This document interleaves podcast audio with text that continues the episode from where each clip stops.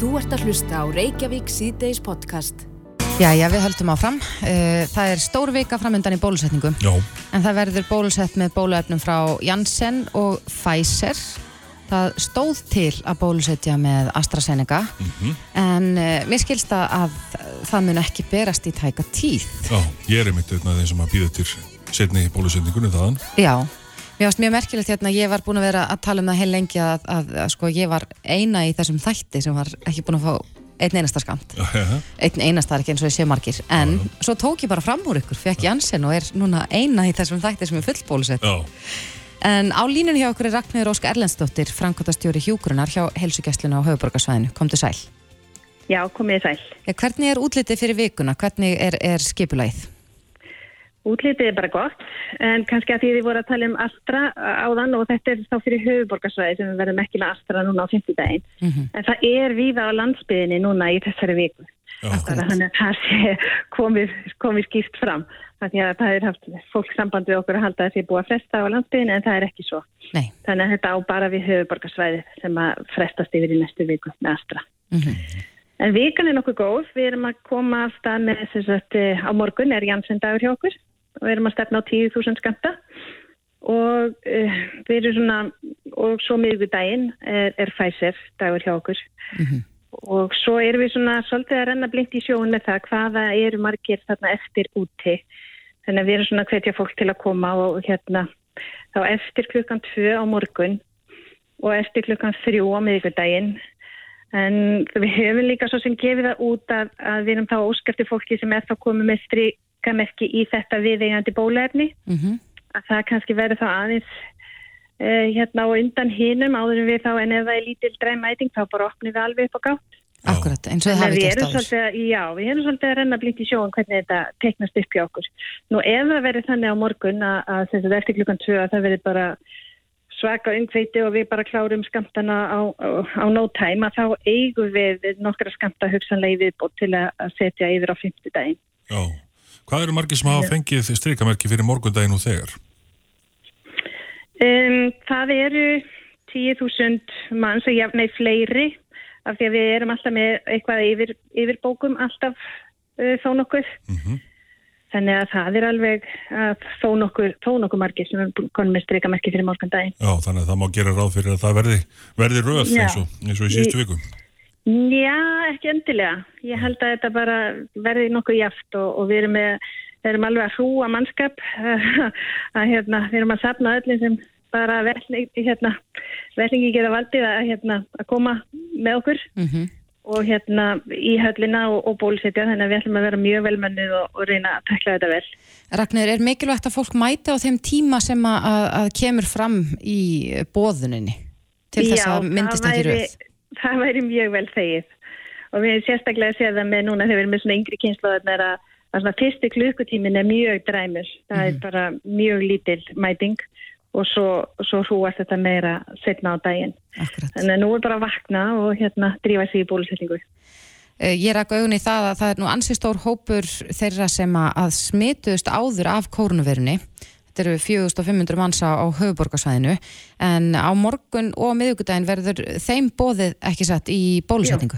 Jú, við vorum að bæta þeim ofan og núna, bara rétt á þannig að það, þá hópur þetta að vera komið með bóð Mhm. og þá eru það allir þeir sem eru yngri en 18 ára eða fættir 2003 og síðar verða bóðaðar á miðvikudaginn en hinn er verða bóðaðar á, á morgun. Er þetta, eh, þetta er, er þetta stefnubreitinga einhver leiti að bólusetja þennan hóp núna? Það, það lána alltaf í loftinu sko hjá sótarnarleikni en það var bara ekki búið að taka ákvörðunum um hvaða bólefni og hvenar og, og hversu marga skamta og, og þar fram eftir göttunum en það lá alltaf fyrir að þessi hópur er við tekin með í, í restina þannig að nú er svo komið að hann er komin á plan og, og við ætlum að bólusetja hann næstu daga líka. Akkurat.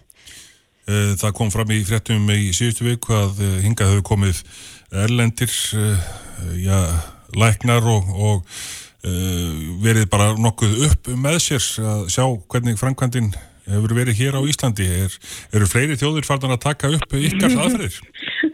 nú veit ég það nú ekki. En það var, var svolítið gaman að fá þig í heimsögna því að þeim fannst líka mjög sérstækt að því voru svolítið að standa vörðu um sko starfsemi heilsugjæslu stöðuna og, og, og svona passa að allt væri ekki á hliðina þar því þá væri allt búið að vera á hliðina á öllum heilsugjastustöðum sko alveg frá því um áramót ef við hefum hleyft þessu öllu þar í gegn.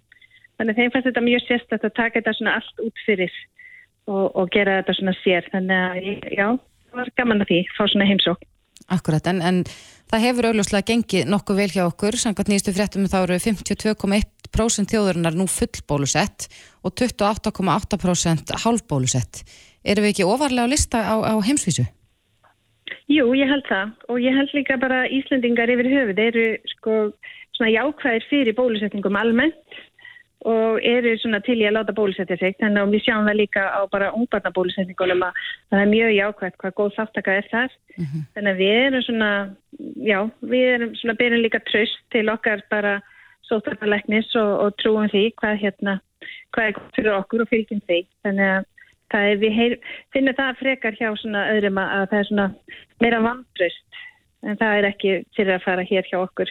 Nei, það bárust frektar af því um daginn að það væri, já svona að yngri kynnslóðin eh, væri ekki einstögulega að mæta.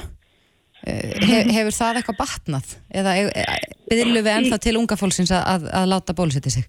Já, ég held reyndar sko unga kynnslóðin er svolítið svona, eins og ég segi, ég var svolítið frjálst í mætingunni hún var svona út á syður að mæta sko en mm -hmm. hérna þannig að þá voru kannski ég held svona heilt yfir þá sé hún líka bara mjög duglega að mæta Akkurat. en svo er hugsanlega líka einhver hópur þarna sem er bara sem er ennþá í fjóskrá og við erum að bóða til okkar sem er hugsanlega bara farin af landibrott við mm -hmm. sjáum það líka svolítið það eru og, og þau svona sveitafélug sem er í góði svona nái og smæri sveitafélug þá þau sjá það í, í hérna skráningunum hjá sér í bólusendingagrunninum að þeir sem að við ná ekki til það er bara fólk sem er farið af landi. Mm -hmm.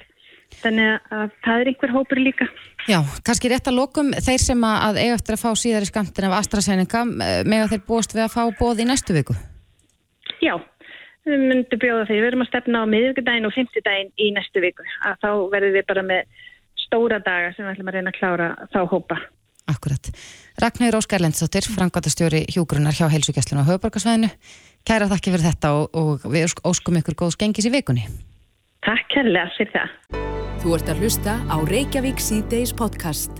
Reykjavík C-Days á bylgjunni heldur áfram. Eitt af, því, eitt af síðustu verkum alþingis á, á síðasta kjörtimbili var að samþykja breytingu á eh, hegningalögunum um mannsal. En, en það var, hún, þetta var frumvarp uh, dómsmálráðra. Mm -hmm. En... Uh, einn maður hefur verið svona yfir þessum hópi sem að það er svona búið að vera að gera ímsar breytingar. Mm -hmm. og ég rakst á grein hérna fyrir helgi þar sem hefur verið að tala um sko hversu alvarlegt þetta er, hversu alvarlegt mannsal getur verið hversu alvarlegu glæpur þetta er. Mm -hmm. og, og þetta er einhvern hlutarskipulari brotastarðsemi, það kemur þar fram. En það sem mér fannst áhugavert að huga að er sko hvernig getur maður spottað eh, mannsal, hver eru sko, enginnin mm -hmm. Á línunni hjá okkur er Karl Steinar Valsson, hann er yfirmaður alþjóða deildar ríkislörglistjórn, kom til sæl. Kom til sæl. Já, þú skrifaðir grein og, og greinin ber heitið Fáur glæpir alvarlegri en mannsal um, og maður velti fyrir sér, er, er þetta algengt hér á landi eða, eða eru þetta mörg dæmi sem kom upp á hverja ári? Nei, það er nú ekki að segja það að þetta sé endilega mörg tilvik en, en þessi bróti eru nú þess aðeins að hvert tilvik er einu og mikið vegna þess að, að, að það má kannski segja það að, að mannsal sé eh, tildulega nýkomið inn á það svið að yfirvöld sé að horfa til þess með þeim hætti sem við erum að gera í dag mm -hmm. og tildulega nýlega sem að brota hópar eða skipulega brota hópar eru að raunverulega horfa til þessa. Þeir eru að horfa þá til þess hvernig þeir geta nýtt sér það sem er þá yfirleitt alltaf í fjárhansljum ávinningi og, og það byrjaði svolítið þegar flottamannaströmmurinn hófst til Evrópun 2014 að, að þá, þá kannski sjáðu hérna það hvernig hvern, hvernig brótahóparnir voru að horfa til þessa mm -hmm. og þannig að þá, þá kannski áttu við okkur því að að, að hérna að laga umhverfið í Európulöndunum var mjög mismunandi og, og var kannski ekki með nægilega skýrum hætti möguleikin til þess að takast á við þetta mm -hmm. og, og að mínum huga erum við kannski núna að klára það hérna hjá okkur þannig að við séum í sjálfur sér komið með, með mjög sambærilegt og önnulönd sem er afar mikilvægt. Akkurat, það voru í síðustu viku kynntar viðtakar aðgeri gegn mannsal á Íslandi og eitt af, eitt af því er að nú hefur verið bætt við en á vefgátt neyðarlínunar 1.2.is upplýsingum, þannig að þær eru mjög aðgengilegar en uh, svona fyrir þá sem að kannski þekkja þetta ekki nægilega vel, hverjar eru svona helstu byrtingamindi mannsals og hvernig gætu við uh, mögulega að sé þetta hér? Já, það sem dæmi um, um þetta, sko, við, við höfum hortið þess að, að, að þetta séu kannski að maður, skiptir svo einhverju leitin í tvent, það er annars vegar vinnumannsals uh, hlutin uh mhm. -huh. og svo hins vegar sá sem að tengis svona vændistarfsemi eða, eða kynlýsi innan uh -huh. og, og e, þetta getur komið fram í því til dæmis að það sé ekki verið að greiða þér peninga fyrir þína vinnu það fylgja eins ofta ákveðinu hótanir og, og, og líka uh, hlutir eins og það að þú sett að búa við óviðunandi aðstæður. Uh, eða, eða þú sett látin dvelja einhver staðar það sem að gegn miljaðinu mm -hmm. og ofta er það líka að það eru sett einhver svona hömlur á ferðarfrelsi þar að segja að þú meðir ekki fara á þess að láta vita eða, eða vegabrifi sér heimlega tekið frá þér og þannig að það er, það er til dæmis uh, þetta getur byrst með þeim hætti. Eða bannaði til dæmis að sækja einmislegt sem, sem er eðlilegt. Og vandamálið sem við stöndum fram með fyrir í þessum brotum er það að einstaklingar sem við teljum að, að þetta geti átt við þeir eru kannski uh, ekki alveg að átta sig á þeirri stöðu sem þeir eru í í miður ofta að koma úr mjög erfiðu umhverfi sem að kannski markast á því að þeim finnst þetta jafnvel betra það sem að þau eru í dag uh mhm. -huh. og undir þessu heldur en það sem að þau hafðu áður. Þannig að það er kannski sáþáttur sem að runlega við og önnur Európa-landir að eru að vinna í. Þannig að þetta er svona hluti af, hluti af menningunni sem við þurfum að, að horfa til og þarna þarf ákveðin samtaka mátt. Það þarf að Við erum öll að láta okkur það varða hvernig samfélagi við viljum búa í og hvað við viljum ekki að við gangist í okkur samfélagi. Já, nú er þetta oft fólk sem er náttúrulega verður einangrað um leið og verður jæfnvel mállaust hér á Íslandi. Eh, hvernig er reynda að ná sambandi við þetta fólk? Sko það þarf að, er þetta að gera það með margvíslegum hætti. Þess vegna eru kannski líka byggla til almenning sem að, að ef að þú telja að það sé hérna að þau þannig geti verið svona komið að hafa þá samband hérna, við okkur mm -hmm. og, og hérna, geta þá skoða þessi atriði sem við höfum verið að setja fram og eru inn á, á vefnum hjá 112 mm -hmm. þannig að fólk svona viti svona helstu enginin og, og geti síðan sett sér í samband við, við hérna lögur mm -hmm. e Ef að fólk ef að fólk grunar um að, að einstaklingur sé þólandi mannsals eh, og, og fer inn á einni tveirpunktur og lætur hún vita hvaða ferli fer þá í gang hjá ykkur?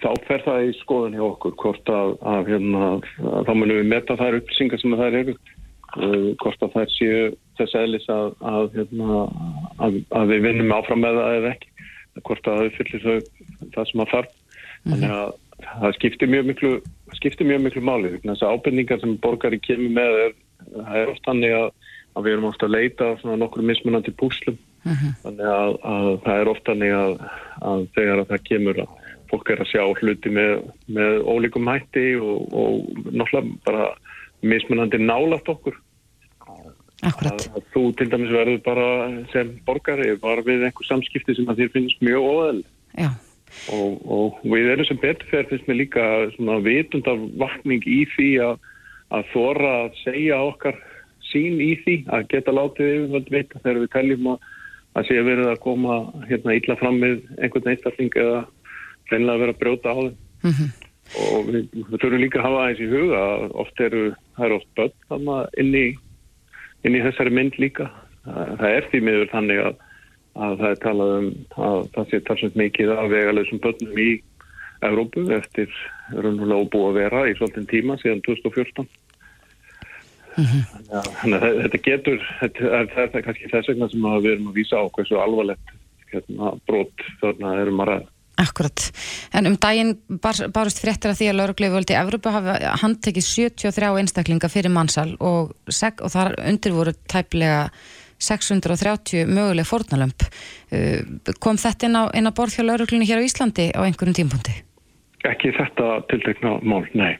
En er alþjóðlegt samstarf um slíkt? Já, já, við erum það og við erum að taka þátt í einsum aðgerðum sem, að, sem er í gangi þetta er auðvitað líka liður í því alþjóðarsamstarfi okkur, það er önnulega til þess að vika út þekkinguna okkar þess að þessi brót eru þannig að brótahópanir eru alltaf að finna nýjur nýja leiður mm -hmm. þannig að það skiptir svo miklu máli og það er kannski eitt áttur sem kom líka þarna fram sem að við erum að undirbúa hvernig getur við sem best tryggt að lauruglumenn þekki þau enginni sem er og hvaða er sem er að gerast að, að hérna, meðla því svolítið vel áfram Já hvernig er það þegar fólk losnar uh, svo uh, blessunlega úr þessum aðstæðum sem það er í?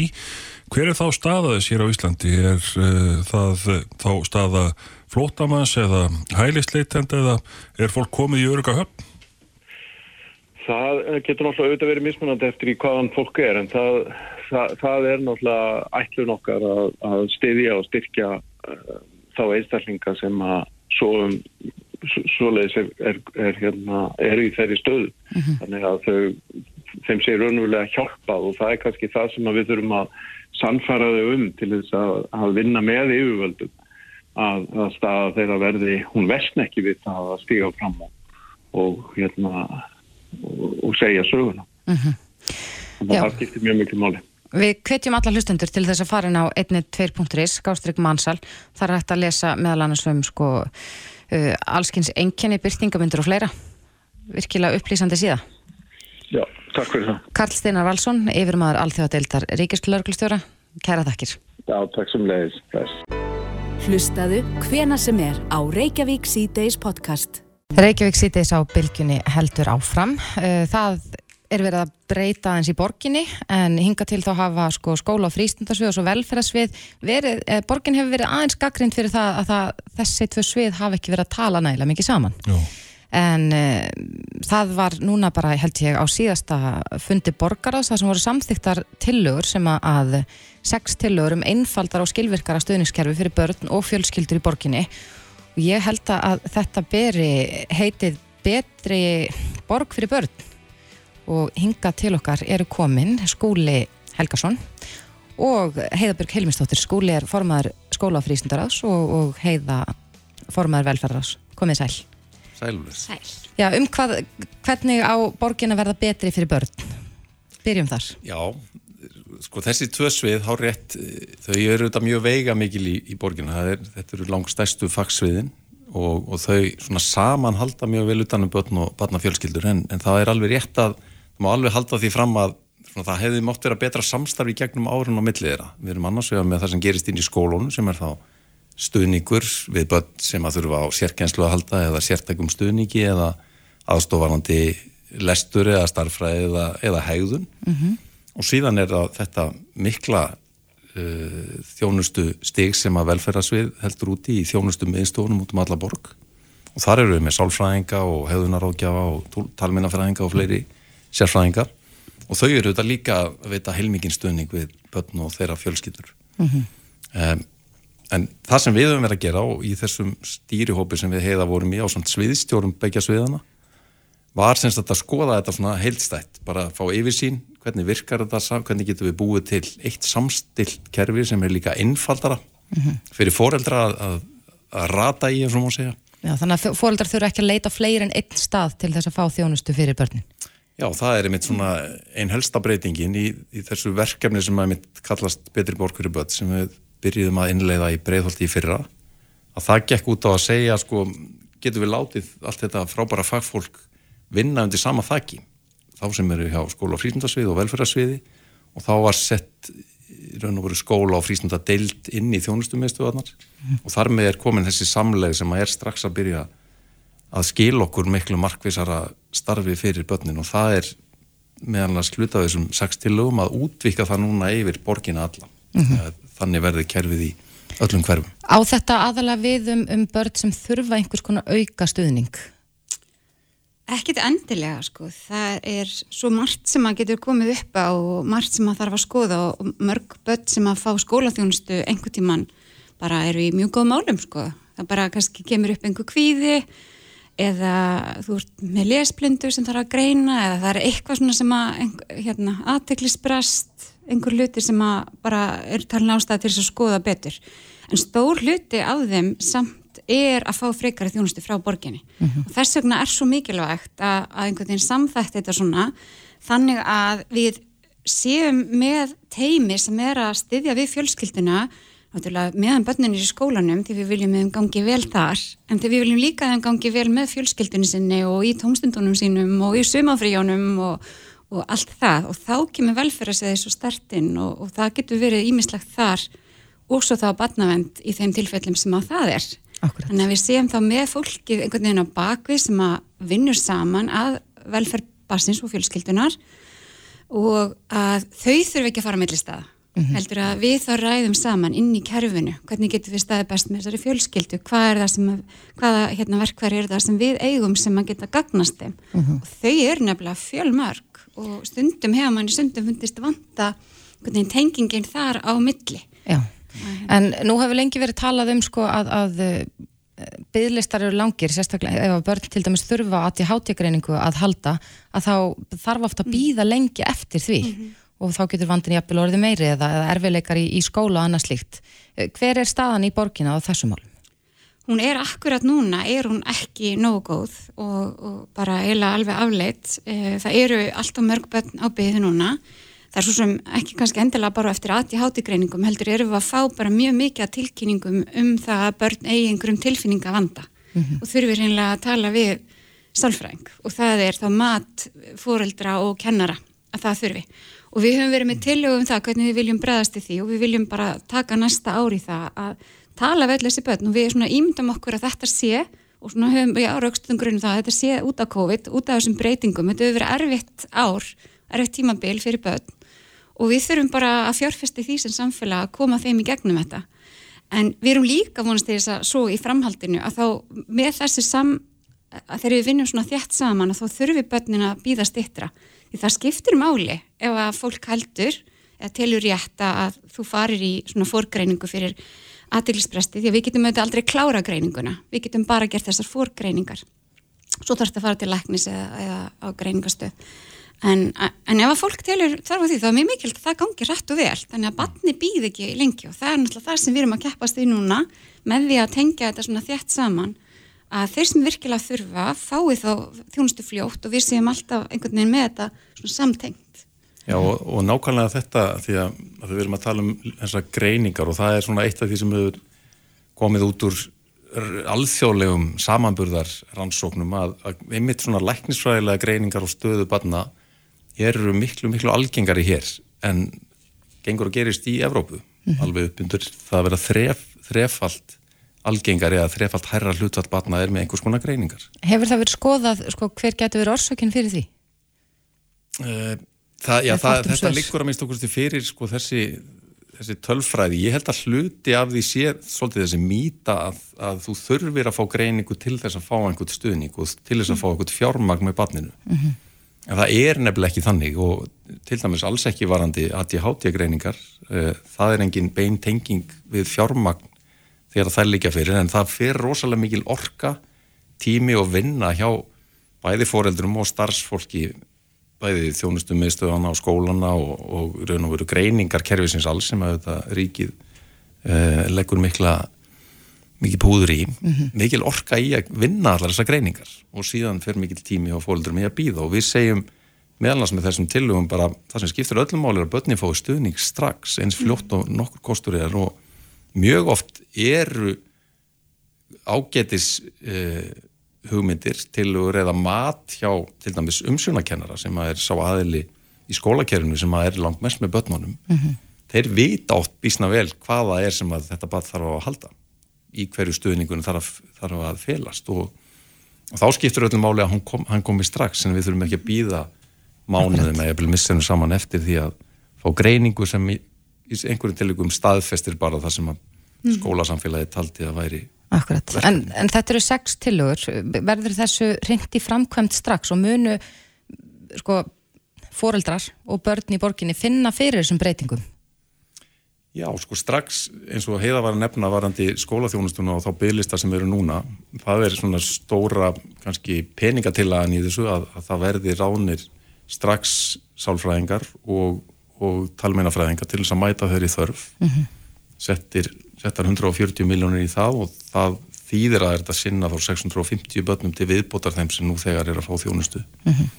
Þú tillaga er að fara inn í mhm. borgaráð bara mm -hmm. vonandi á allra næstu -hmm. viku, mögulega strax í næstu viku og, og hún kemst á til framkvæmda en hún er ráðstöfun sem menn tengja þá beint við COVID og þennan þess að miklu eftirspurn eftir þjónustu. Akkurat. En já, svo líka það að, að við verðum á einum stað, við vonumst til þess að, að fólk komum til að finna fyrir því í þjónustunni, í bættri þjónustu að, að þegar að hérna, það er verið að óska eftir einhverjum auknum stuðningi fyrir bann að þá sé hægt að vinna þann stuðning inn í frístundastarfinu, inn í félagsmiðstöðunni eða námskeið á vegum félagstjónustunar eða þá með því að setja inn einhverja liðveslið, bara það sem að þarf á hverjum stað og mm -hmm. það sé hægt að sko stundum hefur, hefur félagstjónustu hlutin verið að búa til jável einhver úrræði sem eru frábær en væri kannski betri ef þau væri unnin með skólafrísundarsviði mm -hmm. kannski inn í umhverfi batnana þar sem að krakkar á sama aldri eru og ég held að með því að sko, þróa þetta nána samstarfa áfram, áfram þá getur við bara byggt upp miklu betri borg fyrir börn. Já, við skulum vona það. Skúli Helgason, formadur skóla og frístundarás og Heiðabjörg Hilmisdóttir, formadur velferðarás Reykjavík borgar. Takk kærlega fyrir komuna. Takk fyrir. Reykjavík síðdeis á bylginni. Reykjavík síðdeis heldur áfram. Ég kláraði í gæri að horfa köllu inn á Netflix. Já. Ég á eftir að sjá þetta, en þá?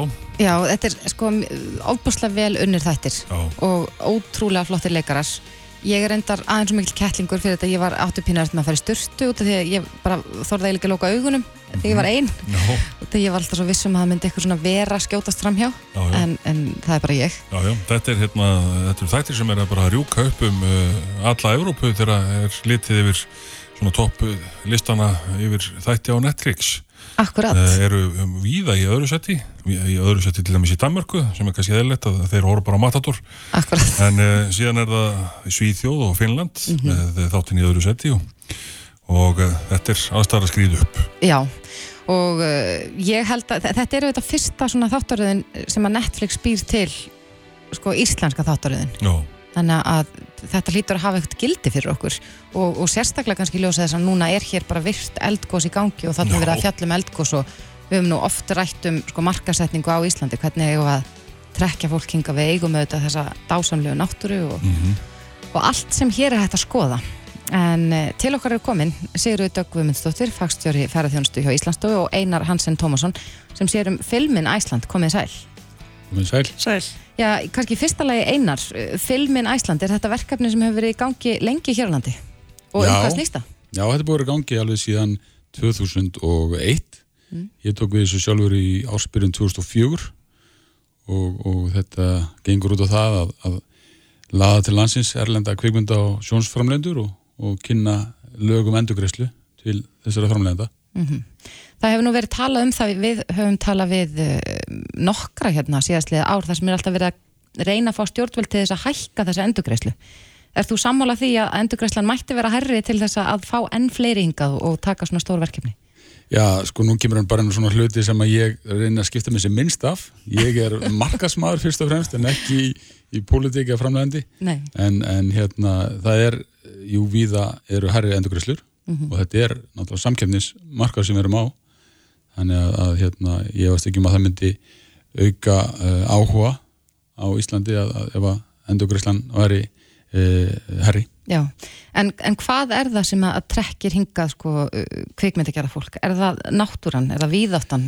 Hvað er það? Já, sko, fyrst og fremst myndi ég segja að þessi náttúran sem er svona aðal aðráðrablið en svo má ekki glemma þessu frábæra kvikmyndi að gera fólki sem er að vinna að þessum verkefnum hér á landi og, og allir þessi framlendur sem ég hef talað við og leikstjórar sem hafa komið hingað hafa allir lofað gæði þessa fólks og, og, og hérna dugnað við mm. vita nákvæmlega hvað það er að gera og hérna nefn sem dæmi þegar að of Thrones var að byrja hérna koma fyrst að þá voru með tölvört stort krúað utan en, en svo bara minka það ár eftir ár vegna þess að, að íslenska krúi náttúrulega bara er það öflugt að það þurfti ekki að senda svona marga framlegundar auðan en, en, en þessi gæði í fólkinu og, og, og hérna hæfnin þeirra náttúrulega skiptir líka greiðilega máli og svo stöðuleiki og, og svo síðast en ekki síst er það endurgreifslan og allt er þetta svona þættir sem tvinnast saman. Mm -hmm. og svona rúsinu pilsendunum mínum mati eru greiðilega öflug þjónustufyrirtæki sem er á þjónustu þessu verkefni og halda um alla þessa þræði. Mm -hmm. og, og hérna þau eru það öflug að, minna stæðsta þjónustu fyrirtæki Nóri er íslenskt, við erum að þjónusta verkefni sem kom inn á Grænlandun og Færiar þannig að við eh, höfum bara sínt á sannað að við höfum greiðilega mikla þekking á þessu sviði Já, en eh, Sigrir, við höfum nú rætt við þig áður um markasetningu á landinu sem slíku og eh, Íslandsstof er auðvitað mjög öflug í þeim efnum. Svona þáttaræðir sem að koma út á heimsvís og, og eins og ég bara í tölum um þetta er að skriða upp vinsaldalista ekki bara hér á landi heldur annar staðar. Hjálpar þetta ykkur í eitthvað störfum?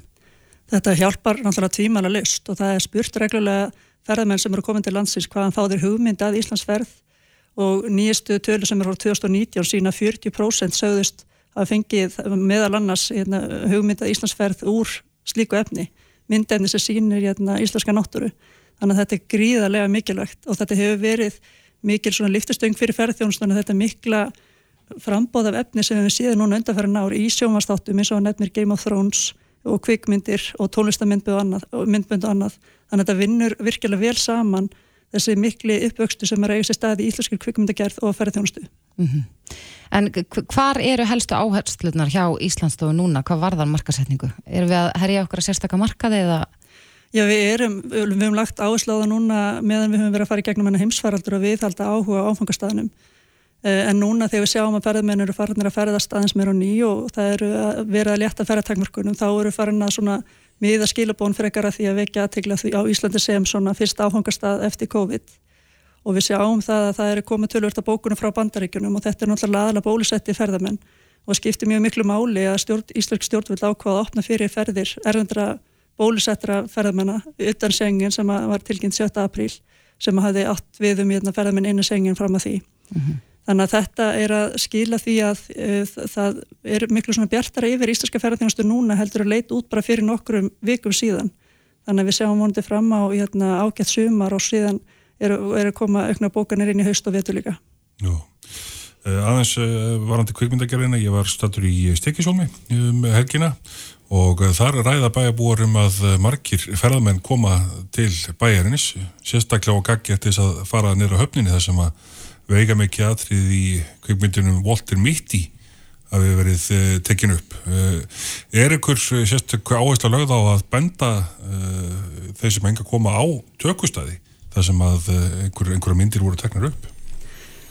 Já, við höfum, höfum gert það. Við til dæmis bara nýlega voruð að láta útbúða fyrir okkur svona örmyndbönd þar sem við erum að sína ákveðna tökustæði og, og kynna þá sérstaklega en, uh, en svo hafið líka verið hérna svona sérstaklega Game of Thrones túrar. Mm -hmm.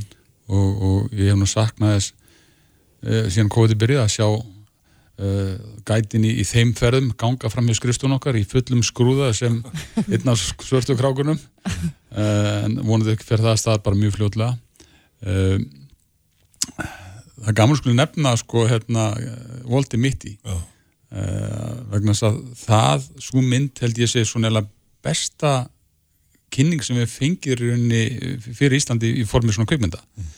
Það er átt í þessu drunni myndin að gerast bæði í, í, í Himalægafjöldunum, hún átti að gerast í Afganistan, Granlandi, Íslandi mm. og allt tekið upp hér á landi. Oh. og, og hann að hérna og, og mann eftir skemmtilega sögur sem Baltasar sæmur þegar hann var að gráða kettunum með Ara Matja sinni þar kemur einn hópur uh, feðraðmanna frá Japan þau eru fann svona gjóa augunum til þeirra og Baltasar sæði Ara ja, þeir hafa ábúinlega séð með einhverju kveikmyndur að velta sér fyrir sér.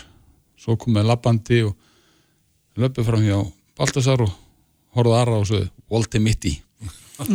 Þannig að þau myndi eftir um það og þau sögðu við hann að þau hefur komið bara geggert út af því þau sáu Volti mitti.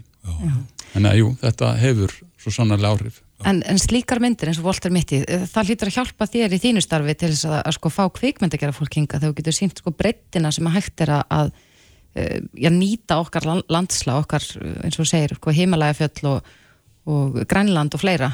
Klárlega, klárlega. Það er hérna fjölbreytilegi Íslands í, í, hvað var að náttúrufegur er gríðarlega mikill og ég hef stundum sagt að, að þessi tökustæði sem við um Íslandi, þú getur fengið það alltaf í bandaríkinum en þú þarfst að fara til Hawaii fyrir svörstu strandana, þú þarfst að fara til Alaska eða Minnesota, Suður eh, eða New Mexico en hér farið það nánast bara með svona klukkutíma radíu sko mm -hmm. en að, að, að hérna, miklu svona hafkamara í mörgum tilvíkum að koma að hinga til lands og, og nota alla þessa falluðu tökustæði mm -hmm. sem er svona stutt á milliðra því það kostar ju mikið að fara með alla hersinguna á næstu tökustaf Já. Þetta er svona dæmi styrkleika sem að einmitt nýtast rosalega vel kvikmynda, fyrir kvikmyndinar en líka fyrir ferðarþjónustuna að það er þessi fjölbreytileiki það að þú getur fengið eða marga ferðir inn í einni ferð á Íslandi sem áfangastað mm -hmm. það er út, út af þessu hvað er svona stutt á milli og hérna hvað þetta er svona hvað landi býður upp á mikið. Akkurat.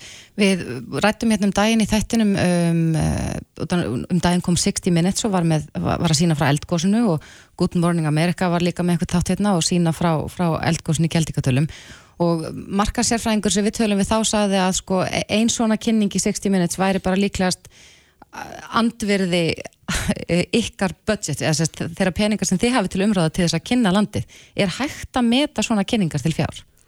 Það eru til einhver tólatæki til að meta svona fjölmjöla virði en það er svolítið, kannski það er ekki svona hár nákvæm vísindi ef við vorðað þannig. Það er verið svona að meta hvað hérna auglýsingaplás geti kostað e, í slíkum miðli en eins og þessu umfjöldin í 60 minutes, það er mjög erfitt að meta hana til fjár. Þetta er hérna eitt elsti og útbreytasti fréttaskýringa þáttur í heimi og hérna sem er síndur í bandaríkjunum og ég man ekki alveg hvort að sé hérna 7 miljón meðal áhorf á hvert þátt og síðan fyrir þetta viða um heim. Mm -hmm. Þannig að þetta er náttúrulega gríðarlega mikilvægt að fá slíkar umfjallar um, um áfengstaðin Ísland og hérna, við vorum að vinna til dæmis með 60 minutes að undirbúningi þessa einslags og þetta gefst okkur tækjaverð til að draga líka fram hvaða er það sem að, hérna, við viljum sína um Ísland sem áfengstað.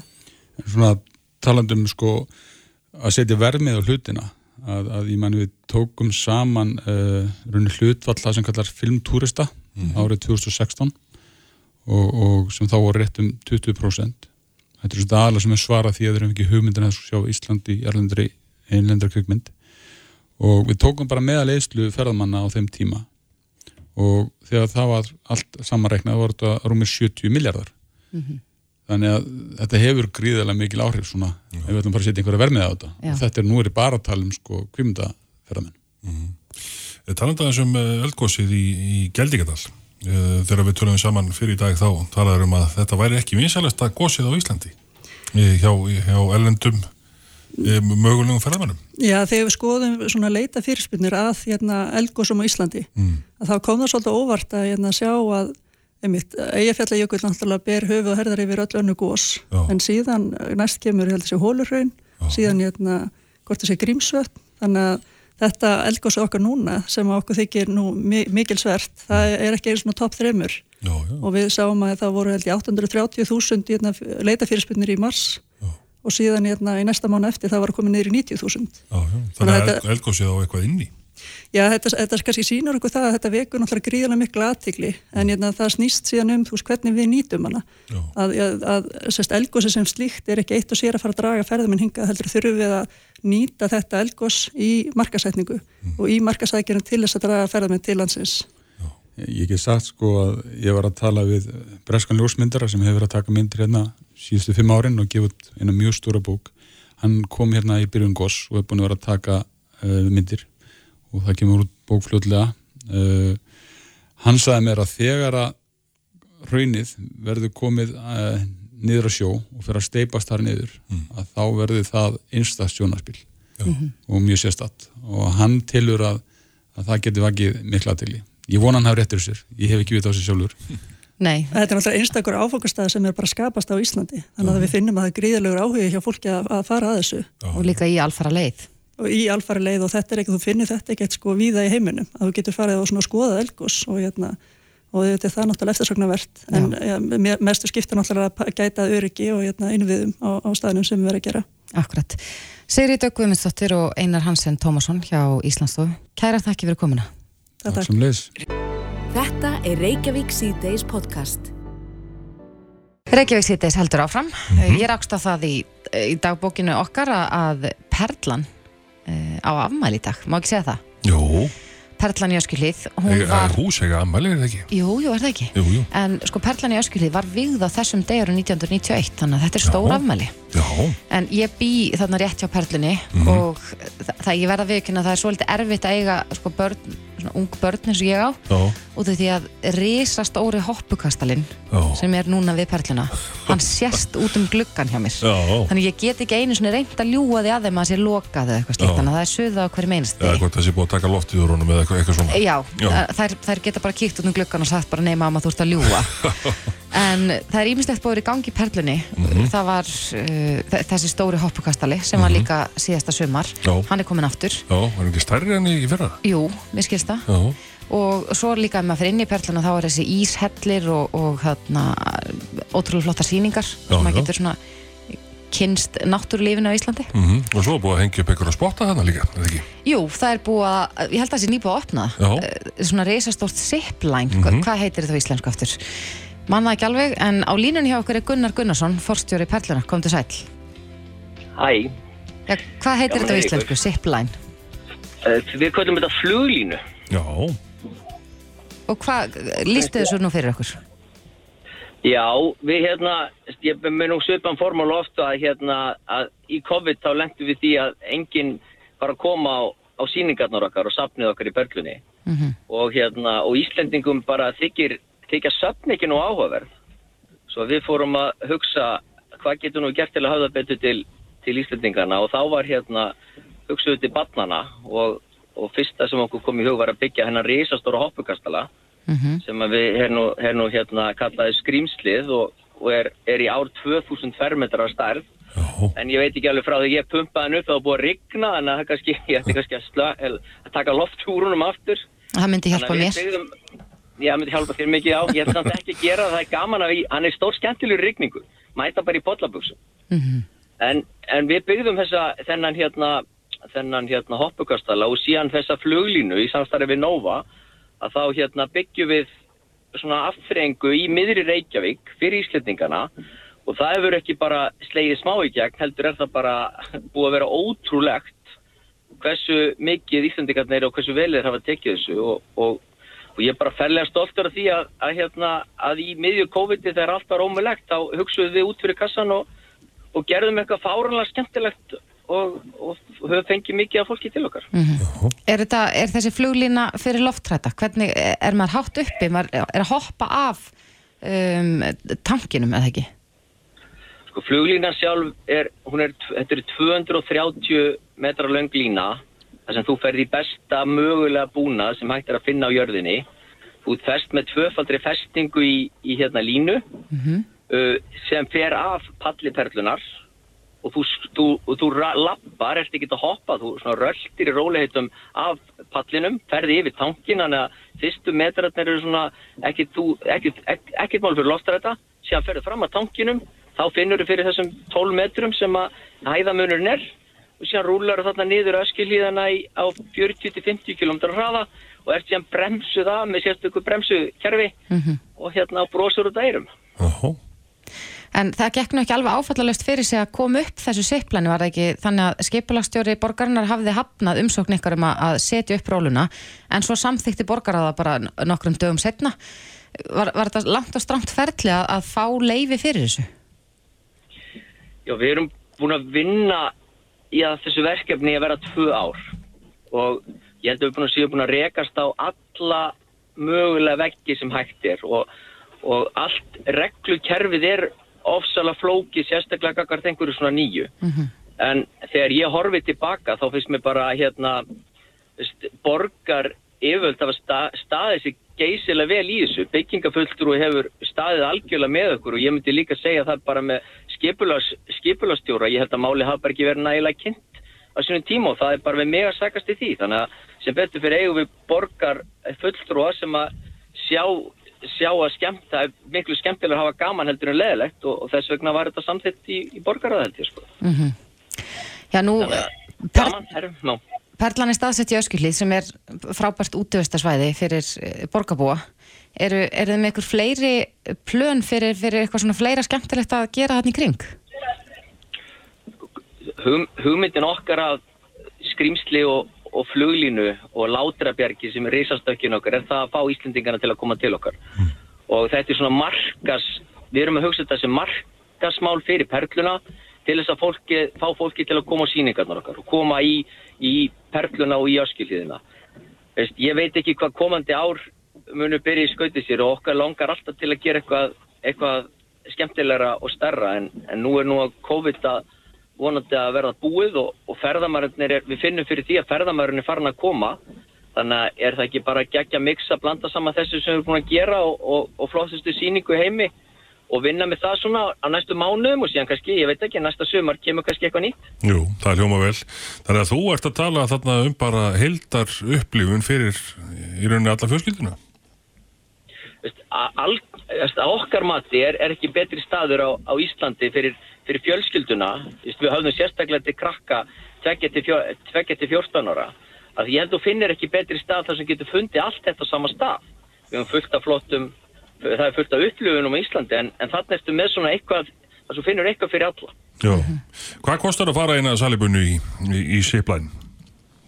Þú borgar 2990 krónur hérna fyrir að fara eina ferð sem er svona með því að fara í búnaðin og býða eftir að koma að þér og fara niður og síðan að lappa um möskjuhlíðin, þetta er svona 45 mínútur og ég held að þú finnir ekkit margar ódýrari sittinur í veröldinni sem, að, hérna, sem eru svona gegjaðar mm -hmm. Já, við þurfum greinlega að, að skella okkur í sipplæn, ég og Bræi. Gómið á morgun. Gerum það, Gunnar Gunnarsson, fórstjóri Perlunar. Takk kærlega fyrir. Takk fyrir mig. Bless, bless. Bless. Reykjavík síðdeis á Bilginni podcast. Reykjavík síðdeis heldur áfram. Ég fór aðeins í kringlunam um helgina. Já. Og uh, það var rosalega mikið af fólki þar. Já. Þetta voru, eins og heyrðist í hátdeisfréttum Bilgin held ég á lögadaginn, mm. það var 1% þjóðarinnar að útskrifast þessast brautskrást frá háskóla um helgina oh. vegna þess að Bifröst um, Háskólinn Reykjavík og Háskóla Íslands voru alltaf að útskrifa sama dag mm -hmm. og það voru held ég 40.000 manns oh. Og það eru veistlur sem fylgja því já, já. og við konundar allavega þekkjum það að stundu mm. getur verið pínu erfitt að ákveða í hvernig maður ætlar að vera Já, við þurfum bara að fá einhvern veginn að strauja skiptuna fyrir okkur og... Já, eða bara strauja hana sjálfur Nei, en, en þetta getur verið vandamál og, og maður þekkir það alveg sko, ég hef verið að fara í brúðkaup og, og maður kaupir sér kannski eitthvað dýra flík mm -hmm. og svo finnst manni hálf hallaræslega að fara hérna aftur út af því að það hafa svo margir séðmann í flíkinni ef þetta er eitthvað svona ábyrrandi kjóll eða eitthvað. Þetta er það sem við margar konur glíma við. Og okkur kannski líður ekki alveg svona með, með jakkavötun okkar. Nei, ekki alveg. Þannig að þetta er pínu kvenlægt mm -hmm. að mörguleiti. En ég held að það sé komin lausn á þessu vandamáli. Já, já. Ég rakst um helgina á síðu sem heitir spjara.is mm -hmm. og mhm. þetta er stafræn fatalega þar sem notendur geta leikt út eða fengi leiðar vandar flíkur og fylgjuleiti. Já. Á línunni hjá okkur er Kristín Etta Óskarsdóttir, einn af stopnendum Spjara, kom til sæl. Sæl, verði. Þetta ljómar er svo mjög góð hugmynd. Getur þú sagt okkur aðeins frá hvernig virkar þetta? Hvernig virkar þetta? Já, hérna í rauninni er það okkur mikið hjartarsmál að þetta sé svona einfalt og þægilegt og spennandi að geta gengið í nýjum flíkum með litlum umhverfis ásöfum og í rauninu virkar þetta bara þannig að þú ferð inn á síðuna okkar spjara.is og leir þið flík, ferðana senda eða sækir í gegnum dropp mm -hmm. nýtrunnar og bara lætur þið líða eins og sérst í nýri flík og skilar henni síðan aftur Þarf maður að skila föttunum reynum eða sjá þið um það? Já, við nefnilega sjáum um allt vesenið. Við sjáum um það að reynsa flikina og náttúrulega láta hana í sannu ástandi að hún sé eins og ný fyrir næsta leiðanda og við sjáum líka um að geima því að þú veist, þegar þú kaupir þér um eitt nýja flík, svolítið svona eins og að tala um áðan, þú mhm. fylgir þig líka á hvern skuldbending, þú veist, þú, þú þarfst að hérna reynsa hana, þú ert að geima hana og svo kemur að því að þú þurfur að losa það við hana þarna í rauninni bara skilar henni aftur spár ekki meir í það. Já, Er það þannig að ef einhver kann svo vel við sér í þessari flík og uh, mm -hmm. bara vill eigana, uh, gef, mm -hmm. gef, gefst hún kostur á köpana? Nei, í rauninni ekki, því að við viljum með þessu lengja svolítið líftíma hverja flíkur. Er líka svolítið staðirind og, og þannig er kannski bara svona eins og tísku heimurinn, hann lætur okkur svolítið vanta nýjastu flíkina eða vant eitthvað en með þessu móti þá viljum við bara lengja líftíma flíkurinn og, og fleiri fá að njóta hennar mm -hmm. því að stærendin er svo að við erum í raunin að nota hverja flík sem við kaupum allt og lítið Akkurat, en hvers slags född eru þetta? Er þetta bara sko kjólar og pils og blúsur eða sparifatnar eða er hægt að leia já, yfirhafnir og annars leitt líka? Já, við erum með yfirhafnir en aðverð fókusin er kannski spari fött, kjólapils, fylgihlutir, skirtur en e, svo langar okkur svolítið líka bara að, að kannski svona útvika þetta síðan setna meir þegar að hérna bara svona með kannski þörfum viðskiptafinnarnar það er rosalega ríkt í okkur öllum að, og sérstaklega kannski Íslandingum að eiga alla skapaða hluti Mm -hmm. En hérna, við þurfum kannski svolítið að fara að hugsa nestin okkar og nýtt og, og kannski þurfum ekki að eiga svona mikið. Getum kannski bara fengið fengi lána alls konar aðra, aðra hluti án þess að eiga. Mm -hmm. Ég rakka augun í það en á síðan hjá okkur að, að notendur hjá Spjara geta líka leikt mm -hmm. út sín fött. Já, það er í reyninni grunn hugmyndin okkar mhm. að sko umhverfisvænsta flíkin er flíkin sem hangir í skápkjöður þannig að, að það væri líka og það er svona grunn hugmyndin að fólk geti leikt út fötinn sín, jafnveg fengi leið og tekjur af, af því mm -hmm. og, og hérna og leift öðrum að njóta Akkurat, en eins, eins og ég sagði einna hérna á þá er þetta svo litið kvennlegt vandamála að, að sko mm -hmm. vil ekki vera oft í sömu flíkin af ræðslu við að einhver spottið að þú hafið farið í að náður en mm. hvað með kallana? Verður eitthvað á bóstálum fyrir kallmenn? Já, vonandi. Við sjáum það alveg fyrir okkur, svona eins og ég sagði áðan okkur langar svolítið bara að stróa síðan þessa hugmynd og, og vikana út algjörlega og það er bara mjög spennandi mm -hmm. Mm -hmm. Þú talar um að þetta sé náttúrulega gert í, í vistvænum tilgangi. Já. Eh, það er mikil þörf á því í þeim eh, akkurat þessum fattabransanum. Já, við erum á ákveðnum villigötum mm. í, í svona tísku heiminum og tíska er einhvern veginn ómissandi parstur af okkar bara menningu og sögunni En við erum, eins og það, við erum á ákveðnum villi göttum og þegar við þurfum að hugsa um þessi umhversmál þá verðum við líka bara að, að koma með einhvers konar lausnir sem eru aðlandi. Það eru neikvæð umhversáhrif af framleyslu textíls og fatnar. Það er bara, bara gömulsaga og ný mm -hmm. og það er líka neikvæð umhversáhrif í þessum förgunarfasa. Þannig að leið og við getum farið að nýta bara í rauninu þessa öðlinn sem að föt eru sem við nú þegar er búið að framlega þá erum við einhvern veginn kannski komið með eina af þessum lausnum. Sannlega þurfum við líka bara að fara að framlega minna en mm -hmm. við mhm. þurfum bara að fara að nota vörðnaróð og, og hlutin okkar lengur og betur. Mm -hmm. En það kannski helst í hendur ef að, að, að eftirspurt mögulega mingi ef, ef að uh, fleiri og fleiri nýta sér svona kosti? Já, ég menna e, þá þurfum við kannski bara, það er svona þessi framlegsla á þessari skynditísku sem er svona einna neikvæðist. Mm -hmm. Öll tíska er ekki slæm, alls ekki, en það er þessi hraði og þessi offramlegsla sem er gríðarlega neikvæðist fyrir umhverfið. Já, eru skórin í þessu? Ekki eins og stendur. E, það, eru, það eru sko Um, við rannsökuðum þetta eins áður en við byrjuðum og svona tókum svo betið greina hvað neytandin vil. Skóri er aðeins erfiðari í þessu, þessu. þú veist þeir, þeir aðlæðast fótum og, og annað. Þannig að mhm. hérna, við viljum svolítið að tilfinningin sé að þú ert að hérna, gangi einhverju svona nýju, hún lítur vel út og þetta sé þessi tilfinning sem allir kannast við gefur okkur svolítið svona auka búst fyrir sjálfstyrsti að ganga í nýri flík Akkurat En mm -hmm. þið ætlaði að opna í sömur, hvenna stefna á að, að byrja að leiða út? Við erum bara að uh, vinna mjög hörðum höndum að koma síðinni upp. Þannig að bara næstu dögum og næstu vikum og ég bara hver hlustendur sem hafa áhuga að skrása postlista mm -hmm. spjara.is og fylgja okkur líka á Instagram og fá þar svona ferskar fréttir á gangi mála. Það er spjara official. Já, Kristínetta Óskarsdóttir, einn af stopnendum spjara. Við bara óskum ykkur til hamingi með þetta og, og góð skengis. Takk fyrir. Já, takk fyrir sem leiðir.